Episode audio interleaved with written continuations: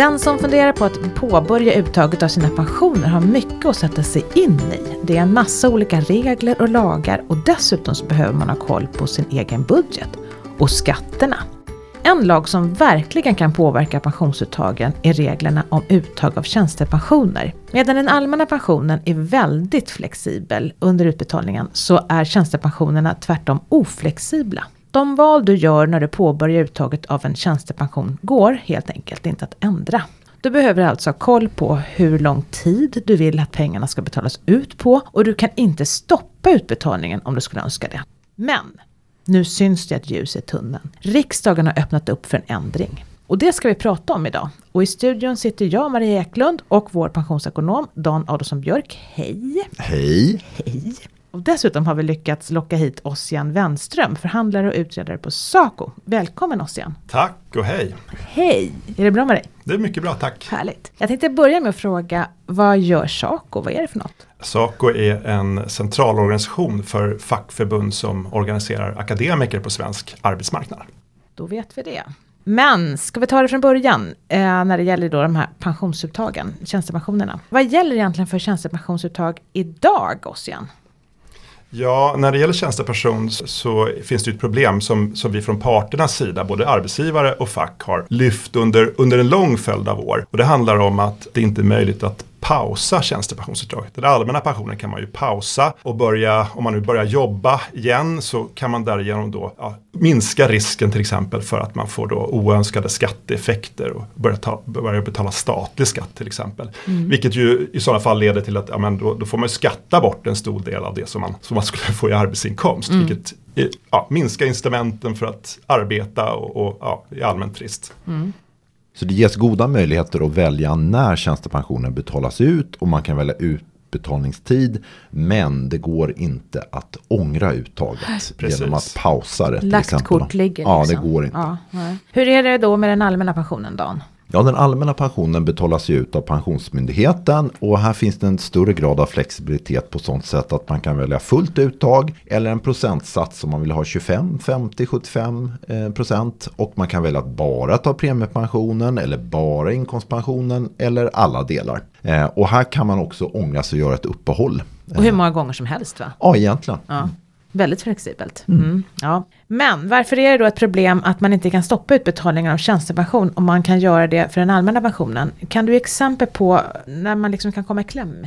Ja, dels handlar det ju för de, de, arbetstag eller de pensionärer som överväger att börja jobba. Som om de börjar jobba kommer ha så pass god inkomst. Alltså både arbetsinkomster tillsammans med, med, med, med pensionen, tjänstepensionen som alltså inte går att pausa. Så, som gör att de kommer upp i, i, i skattenivå och börjar betala statlig inkomstskatt. Och för dem är det ju klart att, att, så att, säga, att det lönar sig dåligt att arbeta helt enkelt. Och det blir ju ett, naturligtvis ett problem både för samhället som, som gärna vill liksom kunna ta del av den här kompetensen, alltså både företag och, och kommuner och regioner naturligtvis. Eh, men också för den enskilde förstås. Mm.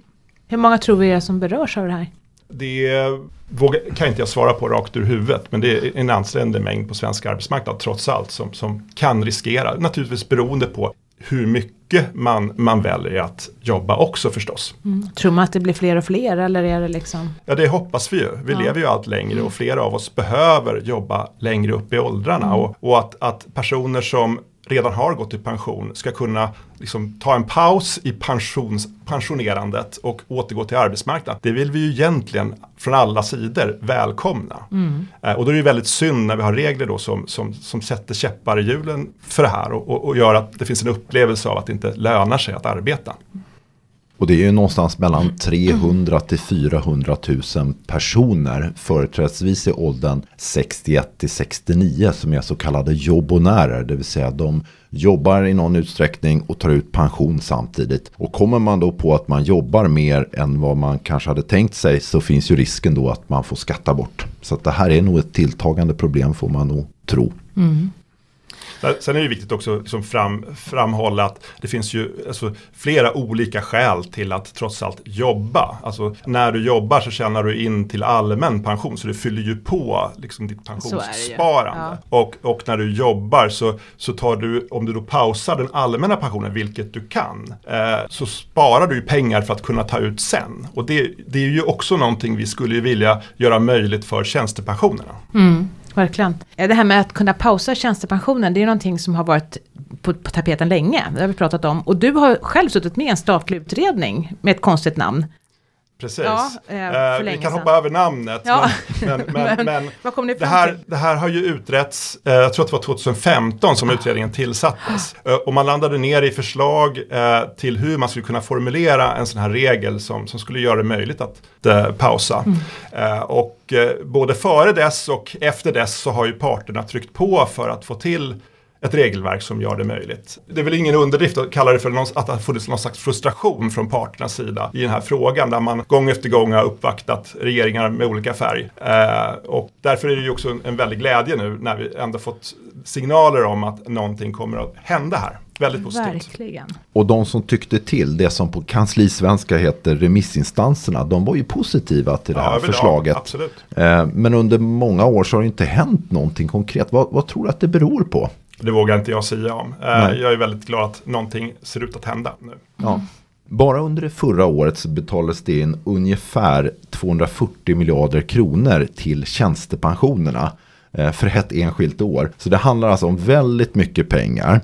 Samtidigt så är ju inte tjänstepensionen som vilket sparande som helst utan det är ju en försäkring mot ett långt liv där man kan argumentera för att stat staten har delegerat ansvaret till arbetsmarknadens parter. Och då får arbetsgivaren göra avdrag när man betalar in tjänstepensionen. Men som motprestation så vill ju staten ha någon form av trygghet. Eh, och att pensionen betalas ut under lång tid och att alla betalar skatt. Det är väl liksom självskrivet här. Finns det några tveksamheter om just utbetalningstid och skatt? Kan det vara anledningar till att, att staten har dröjt med den här lagändringen?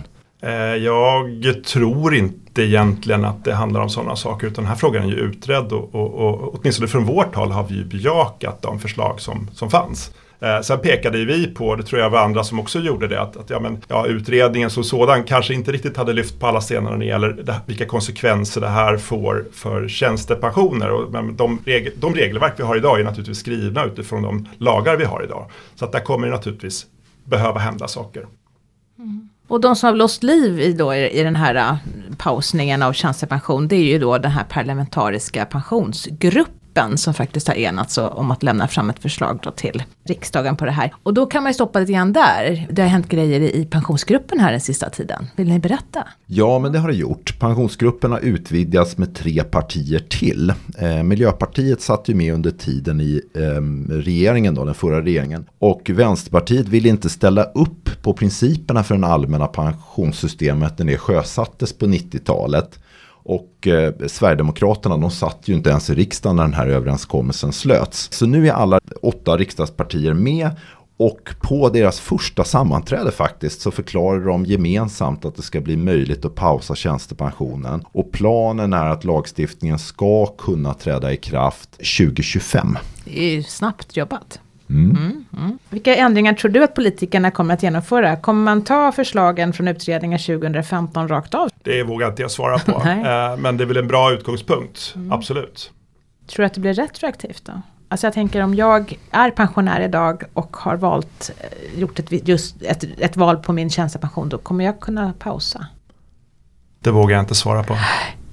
Nej. Det, är jag är inte säker på att det riktigt blir så. Utan Nej. jag tror att det blir under de första åren som pensionär. Där du har den här optionen, den här ändringsmöjligheten. Man skulle kunna argumentera för att om jag är äldre och gör den här pausen så uppstår frågor liksom av försäkringskaraktär. Inte minst om jag är över 80 och ska pausa mitt uttag. Hur, hur stor del av min, mitt eh, tjänstepensionskapital finns kvar? Är det ens meningsfullt att pausa det och sådär? Mm. Så att, men det här kommer säkert sättas på sin spets här nu året som kommer. Helt säkert. Mm. I dagens inkomstskattelag nämns ju olika åldrar, vad som gäller innan och efter man fyller 65 år. Men den här så kallade 65-årsnormen den håller ju på att suddas ut och politikerna vill ju att vi ska arbeta längre för att pensionen ska räcka till. Bör de här åldersgränserna som står i lagtexten stå kvar? Alltså det, är ju, det är ju en rikt, viktig förändring som redan har skett i och med att man har kopplat en lång rad eh, pensions, alltså pensionsrelaterade åldersgränser till riktåldern. Eh, och, och, de förändringarna har ju gjort att, att åldersgränserna och också alltså, folks eh, ja, tidpunkter där man väljer att gå i pension kommer att förflyttas uppåt gissar jag. Eh, åldersgränserna kommer att anpassas utifrån alltså förväntad livslängd och den ser ut, ser ut att öka. Eh, och sammantaget kan man väl säga att det här, är, det här är någonting som vi från Sacos sida har, har efterfrågat. Vi behöver se till att, att vi fixar att jobba längre upp i åldrarna i och med att vi lever längre och ska försörja äldre under längre perioder. Eh, försörja oss själva som äldre under längre perioder. Eh, så det är oerhört viktigt. Samtidigt är förstås ställer det krav på arbetslivet. Alltså, vi måste ha en arbetsmiljö som, under hela arbetslivet, även för unga, som, som, som gör att vi fixar att vi håller hela vägen. Eh, vi behöver ha möjligheter till omställning och så vidare. Där har parterna tagit ansvar. Det är oerhört viktigt. Då tänker du på det där nya omställningsstudiestödet? Ja, absolut. Mm. Jag har vi en speciell podd med, med Martin Westfält som är förhandlingschef mm. på Unionen som vi kan, kan tipsa om. Även om staten ändrar reglerna innebär ju inte per automatik att alla tjänstepensioner inför den här ändringen. Och du representerar ju en av arbetsmarknadens parter. Kommer ni möjliggöra den här äh, förändringen så fort som det är möjligt? Eller finns det tjänstepensionsavtal som kanske inte alls kommer att ändra det här? Vad tror du? Eh, jag, jag, representerar både på statlig sektor och på, på kommunal sektor. Eh, men, men jag kan inte svara för det nu. Utan vi, kan inte, vi reagerar aldrig på lagstiftning som inte finns. Mm. Utan vi måste till att börja med se på den lagstiftningen, hur den nu är och så får vi liksom, det är ju, avtalsarbete är ju alltid någonting som vi gör tillsammans med våra motparter. Mm. Eh, så att eh, det får vi väl se, men vi ser ju positivt på att möjligheten införs. För idag har inte parterna möjlighet att kollektivavtala om regler som möjliggör ett pausande mm. av tjänstepension. Så att möjligheten kommer att finnas se, ser vi som väldigt positivt. Mm. Hur tror ni att det kommer att gå till rent praktiskt då? Kommer jag kontakta mitt pensionsbolag eller hur tror ni att jag ska, hur ska jag göra? Ja, det är nog en rad saker som ska sammanfalla, precis som Ossian är inne lite här på. Man får nog förmoda att det kommer ta tid. Eh, och det blir liksom en flerstegsraket. För först måste ju då lagstiftaren ändra inkomstskattelagen, skriva om den. Sen får i så fall arbetsmarknadens parter eh, göra ändringar i tjänstepensionsavtalen eh, för att göra det här möjligt. Och sen måste pensionsbolagen ändra i sina IT-system och också försäkringsvillkor.